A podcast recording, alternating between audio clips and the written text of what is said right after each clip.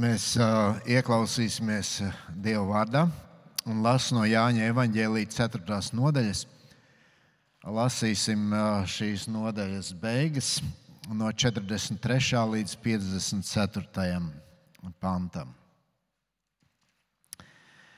Pēc divām dienām Jēzus no turienes aizgāja uz Galileju.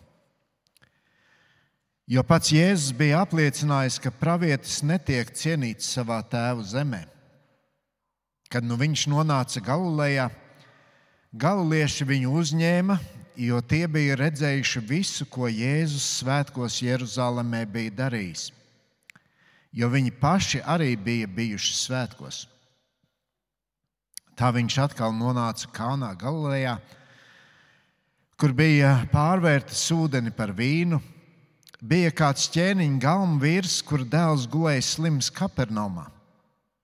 Dzirdējis, ka Jēzus no Jūdejas atnācis uz Galileju, tas nogāja pie viņa un lūdza viņu, lai tas nāktu un dziedinātu viņa dēlu, jo tas gulēja uz miršanu. Jēzus viņam sacīja: Ja jūs zīmes un brīnumus neredzat, jūs neticat. Jēzus viņam saka, galma vīrs viņam saka, kungs nāc pirms mans dēls mirst. Jēzus viņam saka, ej, tavs dēls ir dzīvs. Galma vīrs ticēja vārdiem, ko Jēzus viņam teica, un aizgāja. Vēl viņam ceļā esot, viņa kalpi nāca viņam pretī un ziņoja, ka viņa dēls ir dzīvs. Tad viņš apjautājās pie viņiem pēc stundas, kad tam kļuvis labāk. Tie viņam stāstīja, vakar ap septīto stundu drudzis viņu atstājis. Tad tēvs saprata, ka tas bija tanī pašā stundā, kad Jēzus viņam bija teicis, tavs dēls ir dzīvs. Un viņš kļuva ticīgs ar visu savu namu. Šī jau bija otrā zīme, ko Jēzus darīja, atnācis no Jūdejas Galilejā. Mīļais kungs, paldies tev par vārdu šodien. Paldies, ka tu atkal mums atklāji sevi kā Dieva dēlu, kurš ir ieinteresēts cilvēku dzīvēm.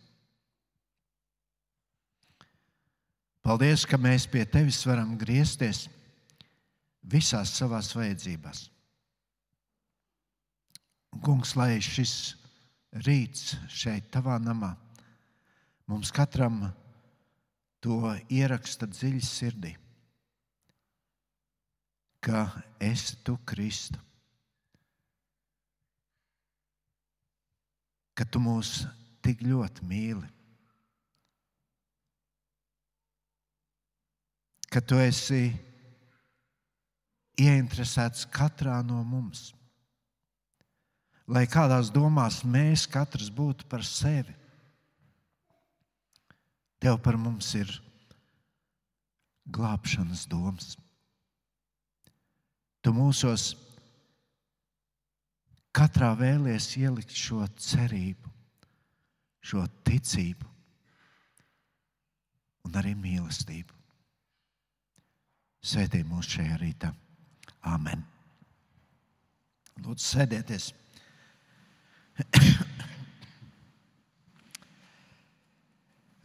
Es gribu pateikt uh, lielu paldies mūziķiem par šo rītu, par šīm dziesmām. Uh, un uh, šis brīnišķīgais violas solo arī. Es atgādinu, ka Baptistu draugzēs pirmais mūzikas instruments bija viola. Šodien mums bija iespēja pirmā eh, liela tādā eh, īpašā veidā arī to izbaudīt. Un paldies, Konstantīna, tev par to. Un vēl otra lieta, pagājušajā svētdienā dažiem no mūsu draugiem mums bija iespēja būt Ventspīlī un uh, būt uh, Ventspils draugs dievkalpojumā. Un, uh,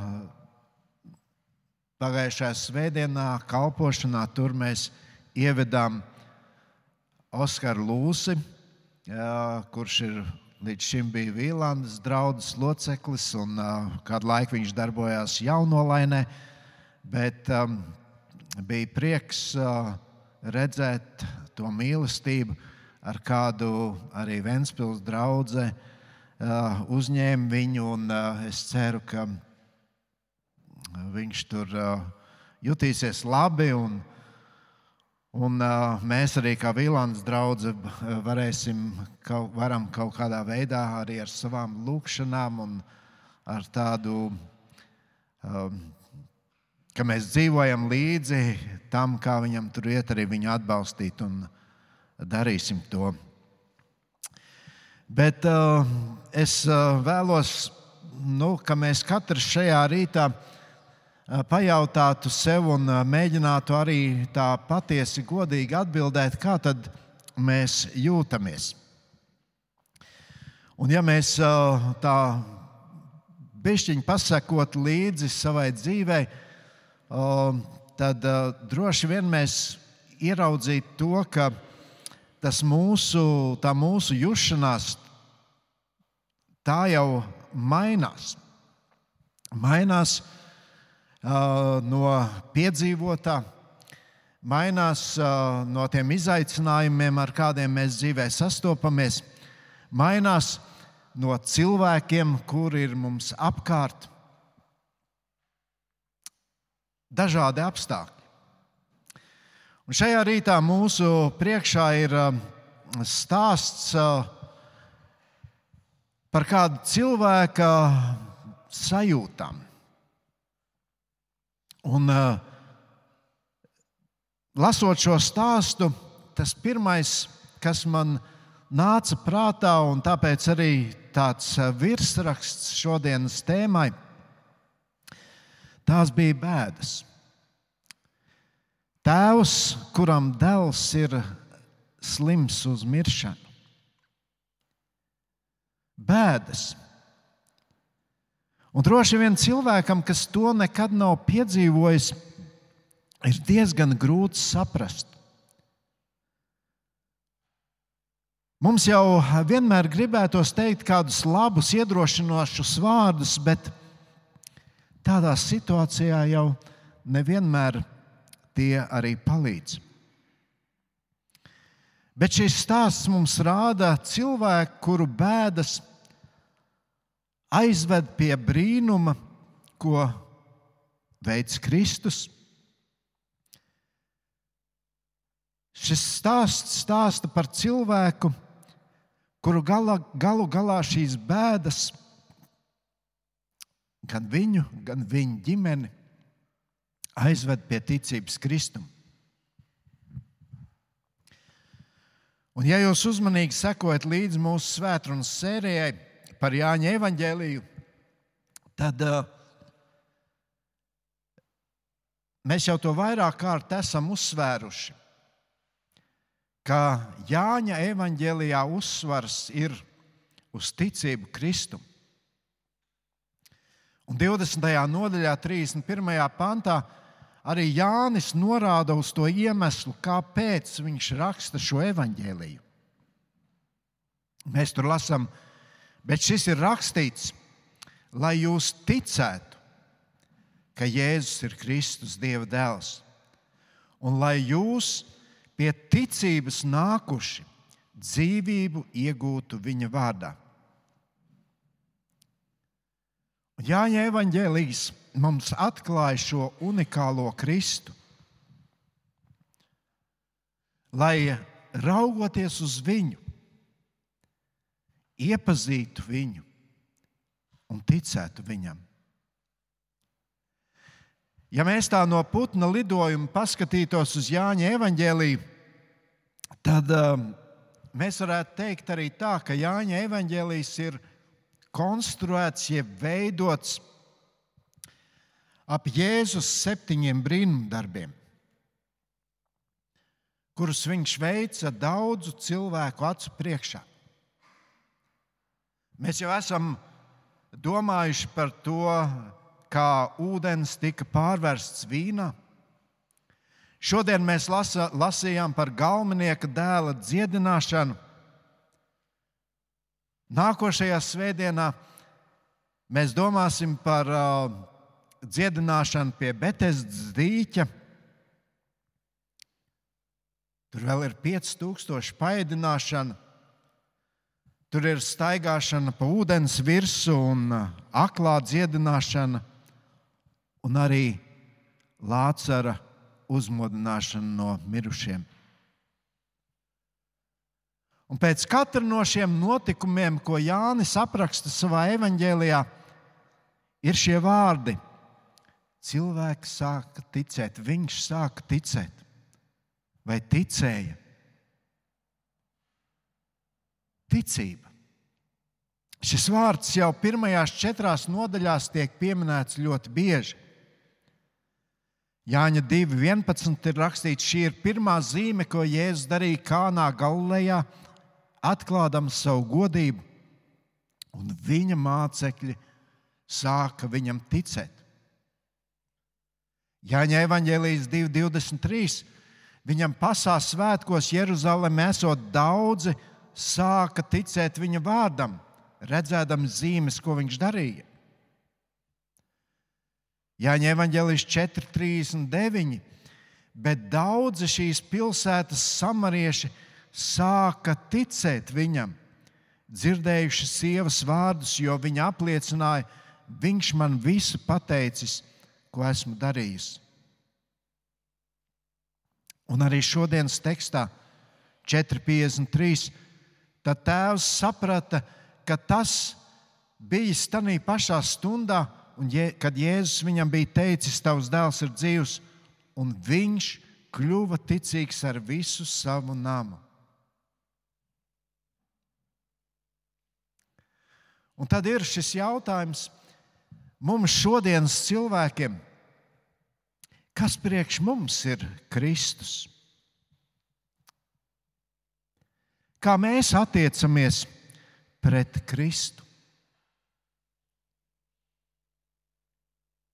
Tie ir ļoti svarīgi jautājumi, un mēs jau varam teikt, jā, ir labi, ka mēs daudz ko zinām par Kristu, bet šī atbilde uz šiem jautājumiem faktiski noteica to, kur mēs būsim mūžībā.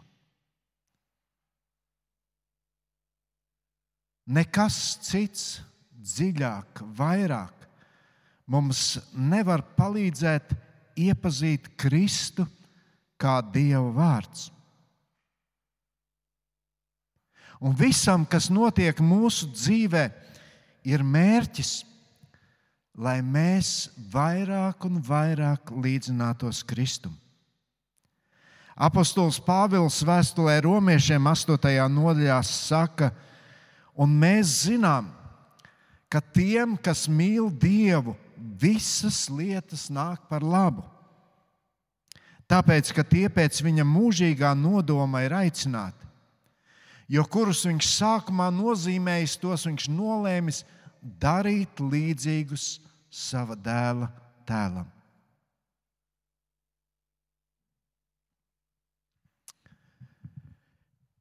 Es šodien, domājot par šo tekstu, gribu uzsvērt trīs vienkāršas lietas. Uh, tas nav tikai kaut kas teorētisks bet uh, tas ir saistībā ar mūsu dzīvi. Un tā pirmā lieta, ko mēs ieraugām šajā tekstā, uh, ka bagātība vai stāvoklis sabiedrībā nevienu nepasargā no bēdām. 46. pantā mēs lasījām, bija kāds ķēniņa galma vīrs, kur dēls gulēja slims Kapernaumā. Galma vīrs. Vīrs, kurš bija pietuvināts ķēniņam Herodam, kurš, kā atceraties, pavēlēja nocirst galvu Jānim Kristītājam. Un Jāņa evanģēlijas mums neatklāja šī vīra vārdu. Jāņa evanģēlijas pasaka tikai ka viņš bija galma vīrs. Iespējams, ka šis ir tas pats cilvēks, ko piemin Lūka, Lūkas vai evanģēlijā 8. nodaļā, 3. pantā, tur tiek pieminēts Heroda nama uzraugs Kūza un viņa sieva Joana. Es nezinu, vai tas tā ir, un uh, Bībeles pētnieki domā, ka tas tā varētu būt.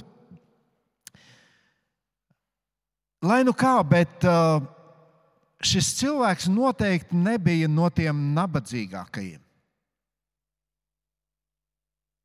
Un tad, kādā dzīves brīdī, viņš nonāk pie šīs skaudrās realitātes, mans dēls ir saslims.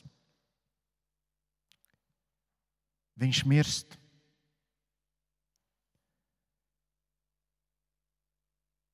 Droši vien viņš nežēloja neko. Viņš nežēloja līdzekļus ārstēšanai. Viņam noteikti bija pieejami tajā laikā labākie ārsti. Bet ak, nevienmēr, nevienmēr arī tie gudrākie prāti un uh, varbūt uh, lielie līdzekļi spēja palīdzēt un slimība turpina progresēt. Šis tēvs redz viņa acu priekšā pamazām mirst viņa dēls. Bēdas. Bēdas šajā dzīvē piemeklē ikvienu cilvēku. Neskatoties uz to, kādu stāvokli viņš ieņem sabiedrībā. Pēdējā laikā pēc uh, Viljama Šulca aiziešanas mūžībā, darbojoties uh, misijā pakāpieni, es satiekos ar ģimenēm. Pirmkārt, jau kur ir daudz bērnu, bet uh, mani īpaši uzrunā ģimenes, kurās aug bērni ar īpašām vajadzībām. Un tur ir uh, vecāki, pārsvarā tās ir mammas, kuras gadiem rūpējās par šiem bērniem, par šiem pusauģiem, kuri paši neko nespēja.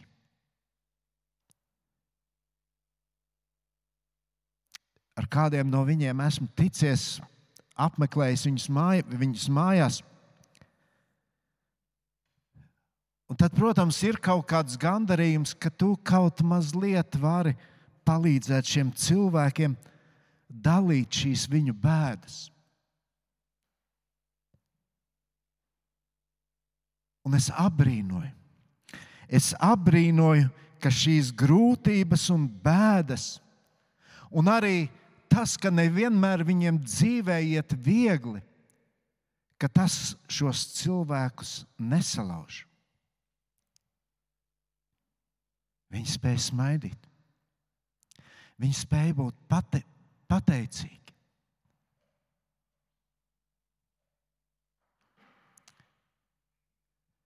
Ziniet, es aizdomājos par ķēniņu Dāvidu. Daudz par viņu varam lasīt Bībelē. Un es domāju, ka viņš bija daudz laimīgāks tad, kad viņš ganīja savu tēva avis tur ganībās, nekā tad, kad viņš bija ķēniņš un kad viņam nekā netrūka.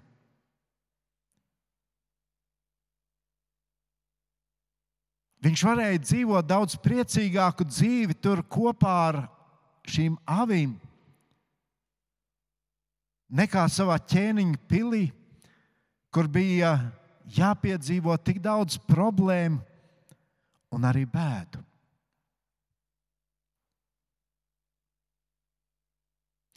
Es aizdomājos par šo stāstu pirmajā mūzes grāmatā par Latu un Abrāmu. Viņi taču varēja dzīvot. Kas viņiem bija jādala? Bet viņu draudzība izjuka. Viņi sāk strīdēties, viņi apskauda viens otru. Kāpēc otram ir vairāk un man ir mazāk, viņam iet labāk un man netik labi? Viens izvēlējās, tā ir tā labākā vieta, es tur iešu, man ies labāk. Un galu galā Latvijas zaudēja visu. Salamana pamācībās mēs lasām 30. nodaļā, kur gudrais Salamans pasaka ļoti vārdus, kas liek aizdomāties. Pēc kā mēs dzīvē ilgojamies? Viņš saka, divas lietas es lūdzos no tevis, Dievs, un neliedz man tās, iekams es mirstu elku kalpība un meli, lai būtu tālu projām no manis. Nabadzību un bagātību nepiešķir man, bet atļauj man baudīt manu dienascho maizi. Citādi es varētu, kad es būtu pārmērīgi paēdis, sākt tevi noliegt un sacīt, kur tad ir tas kungs? Vai arī, ja es kļūtu pārmērīgi nabaks, es varētu sākt zakt un apgrēkoties pret sava dieva vārdu. Jā, Bībele jau nesaka. Bībele nesaka, ka būt bagātam ir grēks. Bet Bībele brīdina, ka ja šī bagātība sāk ieņemt dieva vietu tavā dzīvē, tad vairs nav labi. Un apostols Pāvils iedod kādu brīnišķīgu padomu 1. Thessaloniķiešiem 4, 11, 12. Viņš saka, turiet par lielu godu, klusi dzīvojot, darīt savu darbu un strādāt savām rokām, kā mēs jums to esam piekodinājuši, lai jūsu dzīve būtu nevainojama arī pret tiem, kas ir ārpusē, un jums ne pie viena nebūtu jāgriežas savās vajadzībās. Mēs jau paši nekad nespēsim apmierināt visas mūsu vajadzības. Arī tad nē, ja mums piederētu visas pasaules bagātība. Tā mūs nepasargās no bēdām. Otra lieta Daudzi no jums šeit uh, esat jaunāki par mani. Un uh, šis teksts mums liek domāt par to, ka bēdas skar arī jaunus cilvēkus. Mēs lasījām, bija kāds ķēniņa galva vīrs, kura dēls gulēja slims Kapernaumā.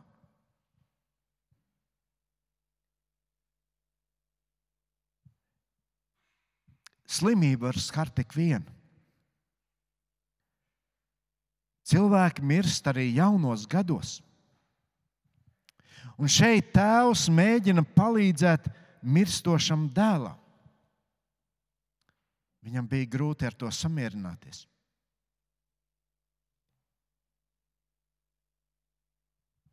Šajā pasaulē daudz kas progresē. Cilvēki ir iemācījušies lietot dažādas lietas, un mēs šodien dzirdam, ka cilvēka dzīves ilgums palielinās. Bet, ziniet, mani pārsteidz viena lieta. Tad, kad mēs aizejam uz kādu kapsētu, un kad mēs sākam staigāt pa šīm taciņām, un lasīt tos uzrakstus, kas ir uz šiem kapu pieminekļiem. Un zem šiem vārdiem un uzvārdiem mēs izlasām arī gadsimtus. tad tas pārsteigums ir, ka tur ir tik daudz cilvēku, kuri ir jaunāki par mani. Un cilvēkiem šodien liekas, ka viņi var mierīgi dzīvot. Tas jau notiks kaut kad. Tas jau nu, ir tālu priekš manis.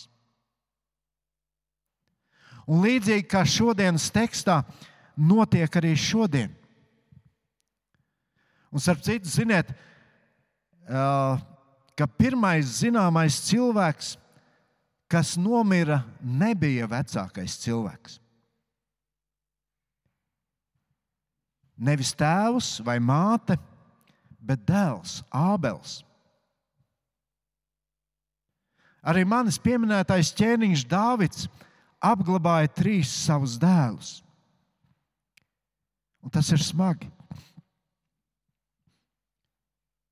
Kāpēc es to pieminu?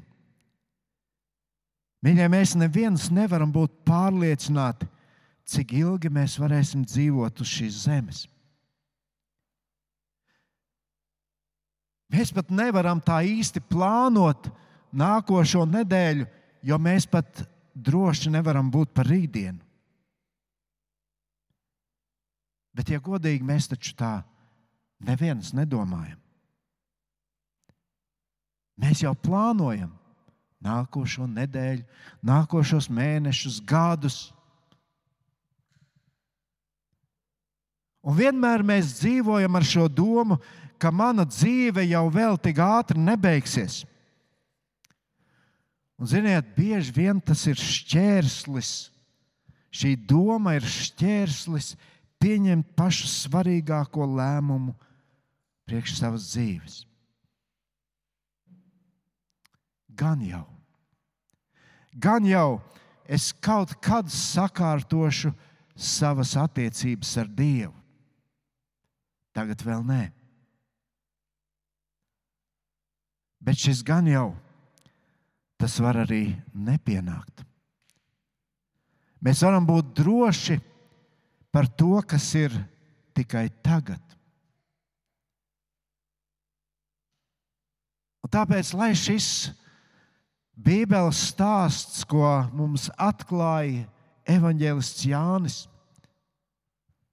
lai tas mūs, mums liek aizdomāties, arī neatlikt pieņemt lēmumu, kas skar tavu un manu mūžību, lai mēs to neatliekam uz vēlāku laiku. Kristus žēlastībā pastieptā roka, to ir jāsatver. To nevajag atlikt uz rītdienu. To nevajag atlikt uz nākošo nedēļu vai varbūt uz nākošo gadu. Šis stāsts mums katram liek par to aizdomāties. Tas, ko mēs redzam sev visapkārt, tas liek par to aizdomāties. Bēdas, slimība, nāve skar ikvienu. Vēstulē Efeziešiem 5, 15, 16 mēs lasām, tad nu raugieties nopietni uz to, kā dzīvojat. Nevis kā negudri, bet kā gudri. Izmantojiet laiku, jo šīs dienas ir ļaunas. Un trešā lieta, trešā lieta, ko varam mācīties no šī notikuma, bēdas liek mums meklēt Kristu. Bēdas liek mums meklēt Kristu. Jāņa evanģēlijas 4, 47. mēs lasījām, dzirdējis, ka Jēzus no jūdejas atnāca uz Galileju, tas nogāja pie viņa un lūdza viņu, lai tas nāktu un dziedinātu viņa dēlu, jo tas gulēja uz miršanu. Šī vīra bēdas viņa izmisums liek viņam meklēt Kristu. Un, lai arī viņš bija ļoti aizņemts cilvēks, viņa prioritāte tajā brīdī bija: man ir vajadzīgs Kristus. Un tie bija apmēram 25 km. Bet viņš iet. Viņš iet, lai satiktu Jēzu lai izteiktu viņam šo savu vajadzību, šīs savas bēdas.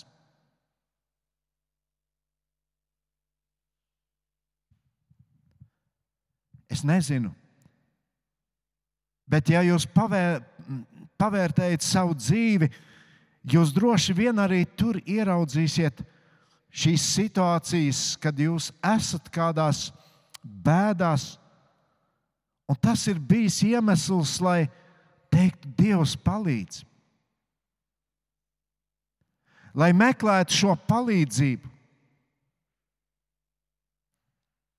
Mums draudzē ir šī lūkšana ķēde, kur mēs dalāmies ar lūkšanu vajadzībām. Un tur mēs bieži lūdzam par šīm vajadzībām. Mēs lūdzam par bērniem, kuru vajadzības izsaka viņu vecāki.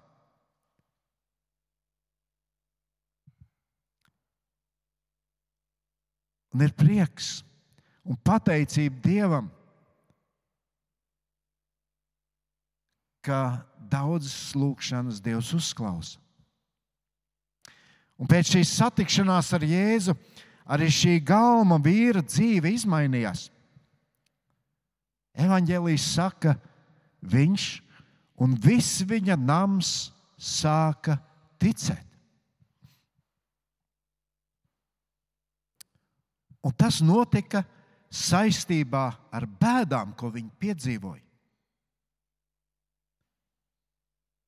Mēs nezinām, ja nebūtu šīs bēdas. Droši vien galvenais vīrs turpinātu ierasto dzīvi, darbotos tur ķēniņa galmā Varbūt būtu tik aizņemts, ka nemaz nepievērstu uzmanību, kā viņa dēls izaug.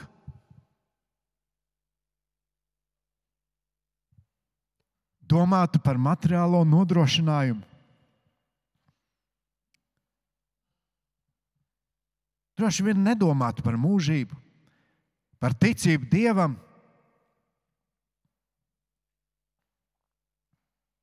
Bet bēdas bieži vien ir šī lielā, varenā dieva radītāja lietotās zāles, lai cilvēku izglābtu no mūžīgas pazušanas.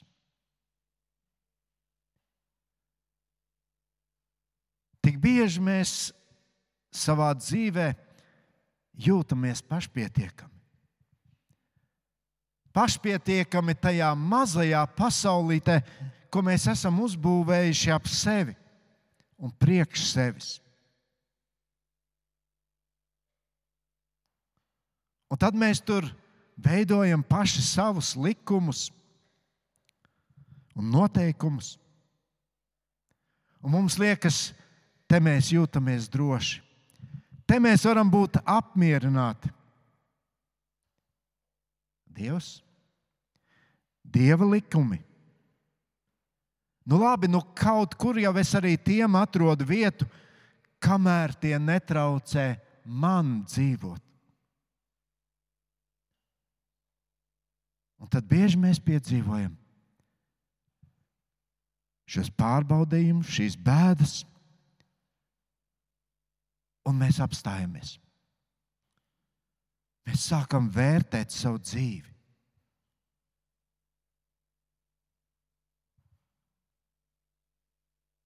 Un šī vērtēšana mums liek domāt, bet Kristus. Viņš man turpina mīlēt. Kristus. Viņš ir vienīgais ceļš pie Dieva. Un, ziniet, šajā notikumā Kristus ar saviem vārdiem dziedina uzreiz divus cilvēkus. Viņš dziedina šī galma vīra salauzto sirdi, izmisumu mākto sirdi, dāvinot viņam šo ticību. Un viņš dziedina arī šī vīra slimo dēlu. Vēl vairāk mēs lasījām, arī citi no šīs ģimenes, viss viņa nams saņem šo brīnišķīgo dāvanu - ticību Kristum.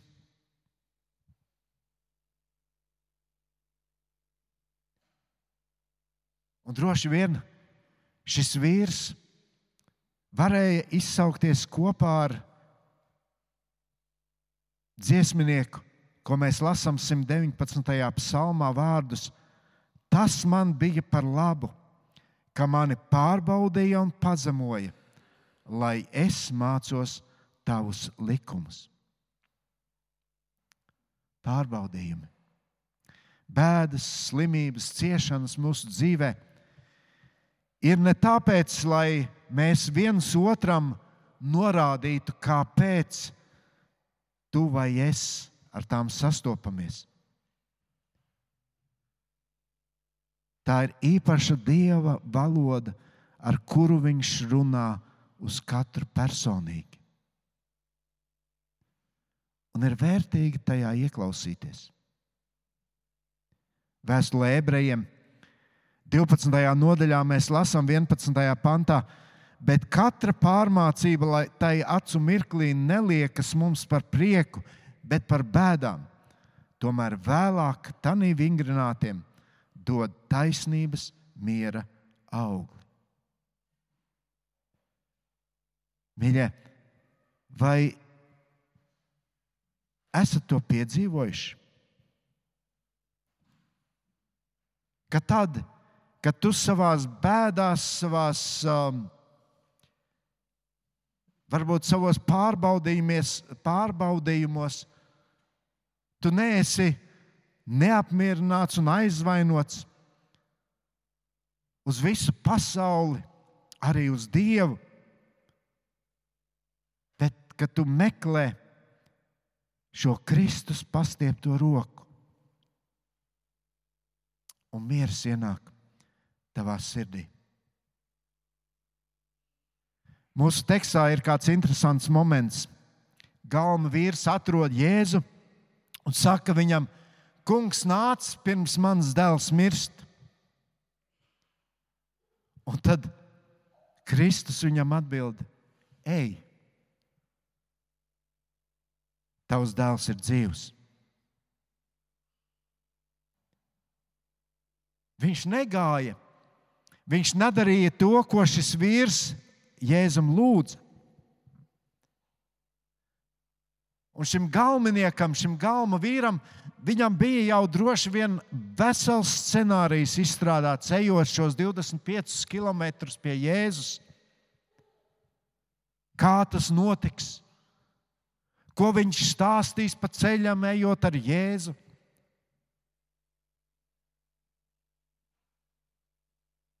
Viņš iztēlojās varbūt daudzas lietas,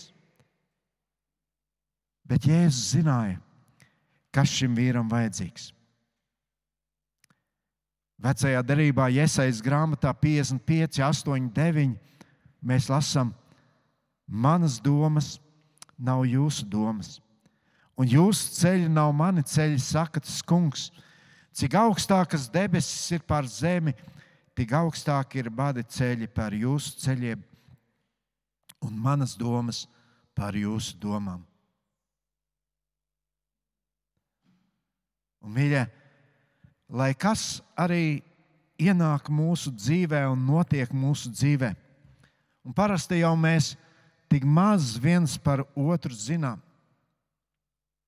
Šis stāsts mums atgādina, iesim pie Kristus. Iesim pie Kristus, kurš neskatoties ne uz ko, turpina mūs mīlēt. Nevienu, kas pie viņa nāk, viņš neatraida. Un mēs domājot, esot šajā Jāņa evanģēlijas sērijā, mēs jau esam sastapušies ar tik daudziem cilvēkiem, Tur ir mācekļi, kur sāk ticēt. Tur ir farizējs Nikodējums, raksturmācītājs Nikodējums, kurš savā šaubās naktī nāk pie Jēzus. Tur ir samarieta,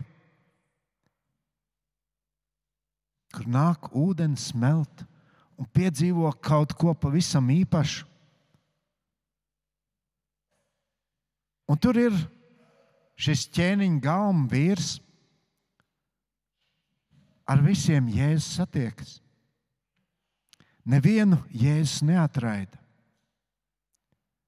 Visi viņi nāk pie Kristus un piedzīvo kaut ko īpašu, izmainītu dzīvi. Kur bēdu vietā viņas sirdīs ienāk prieks, kur neziņas izmisuma vietā sirdi piepilda neaprakstāms miers un paļāvība uz Dievu. Šis notikums mums rāda, ka Kristus nav ierobežots laikā un telpā,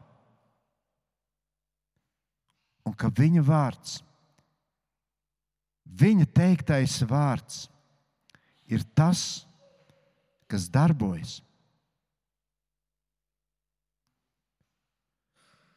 Jāņa evanģēlijā 6,33 mēs lasām, pasaulē jums ir bēdas. Bet turiet drošu prātu, es pasauli esmu uzvarējis. Ziniet, mums bieži vien ir tā, ka mēs sakām, nu, es vispirms gribu redzēt, un tad jau es arī ticēšu. Es paskatīšos, ko Dievs dara man dzīv, manā dzīvē, vai Viņš apmierina kaut kādas manas vajadzības, nu tad jau es ticēšu. Bet mēs jau lasījām, Jēzus saka pavisam pretējo lietu. Viņš saka, ka ja jūs zīmes un brīnumus neredzat, tad jūs neticat.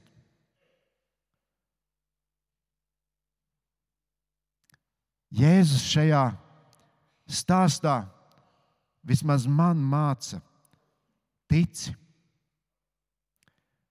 Tici un tad ieraugi, ko Dievs dara tavā dzīvē. Jēzus savu vārdu pateica.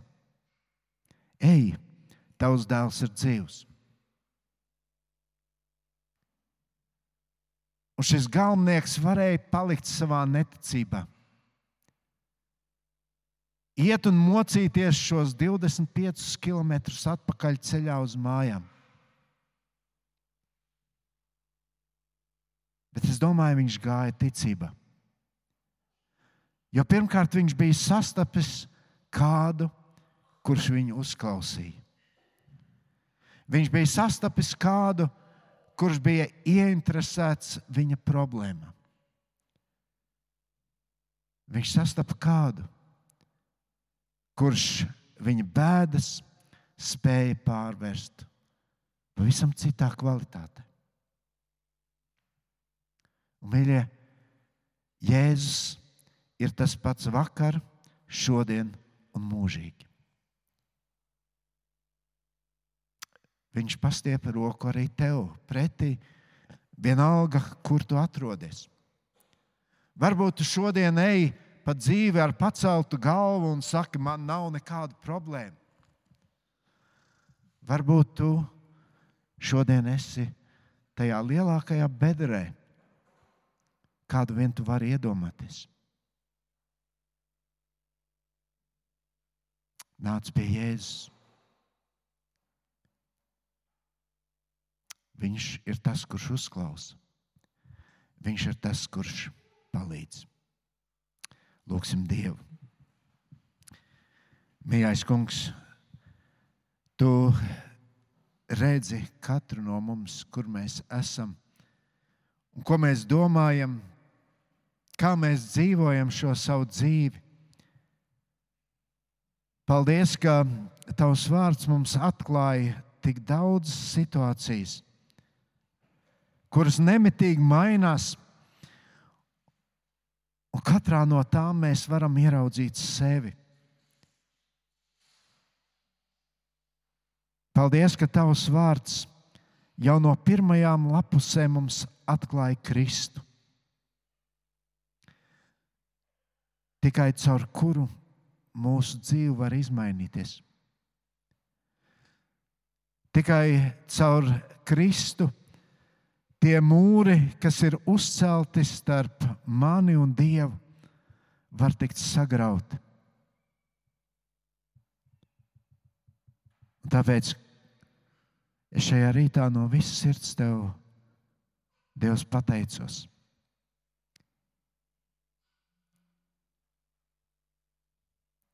Kad tu turpini mūs mīlēt, kad tu turpini dāvināt mums šo lielāko dāvanu, ticību caur Kristu uz tevi.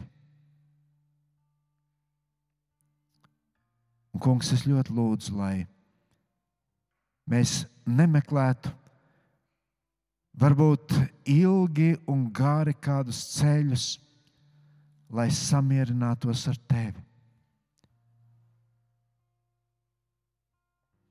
Bet lai šī vienkāršā vēsts par Kristu kurš ir līdzās mums, mūsu bēdās, mūsu izaicinājumos.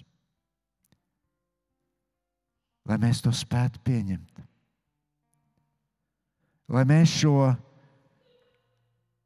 vienkāršo veidu, ar kādu tu nāc pie mums cilvēkiem, nepadarītu tik sarežģītu. Paldies, Kristus, tev! par to, ko tu izdarīji pie krusta Golgāta. Paldies, ka tu uzņēmies visus mūsu grēkus. Tādā veido, veidā mūsu glābjot, atjaunojot mūsu attiecības ar mūsu radītāju. Par to mēs tevi slavējam un tev pateicamies. Amen.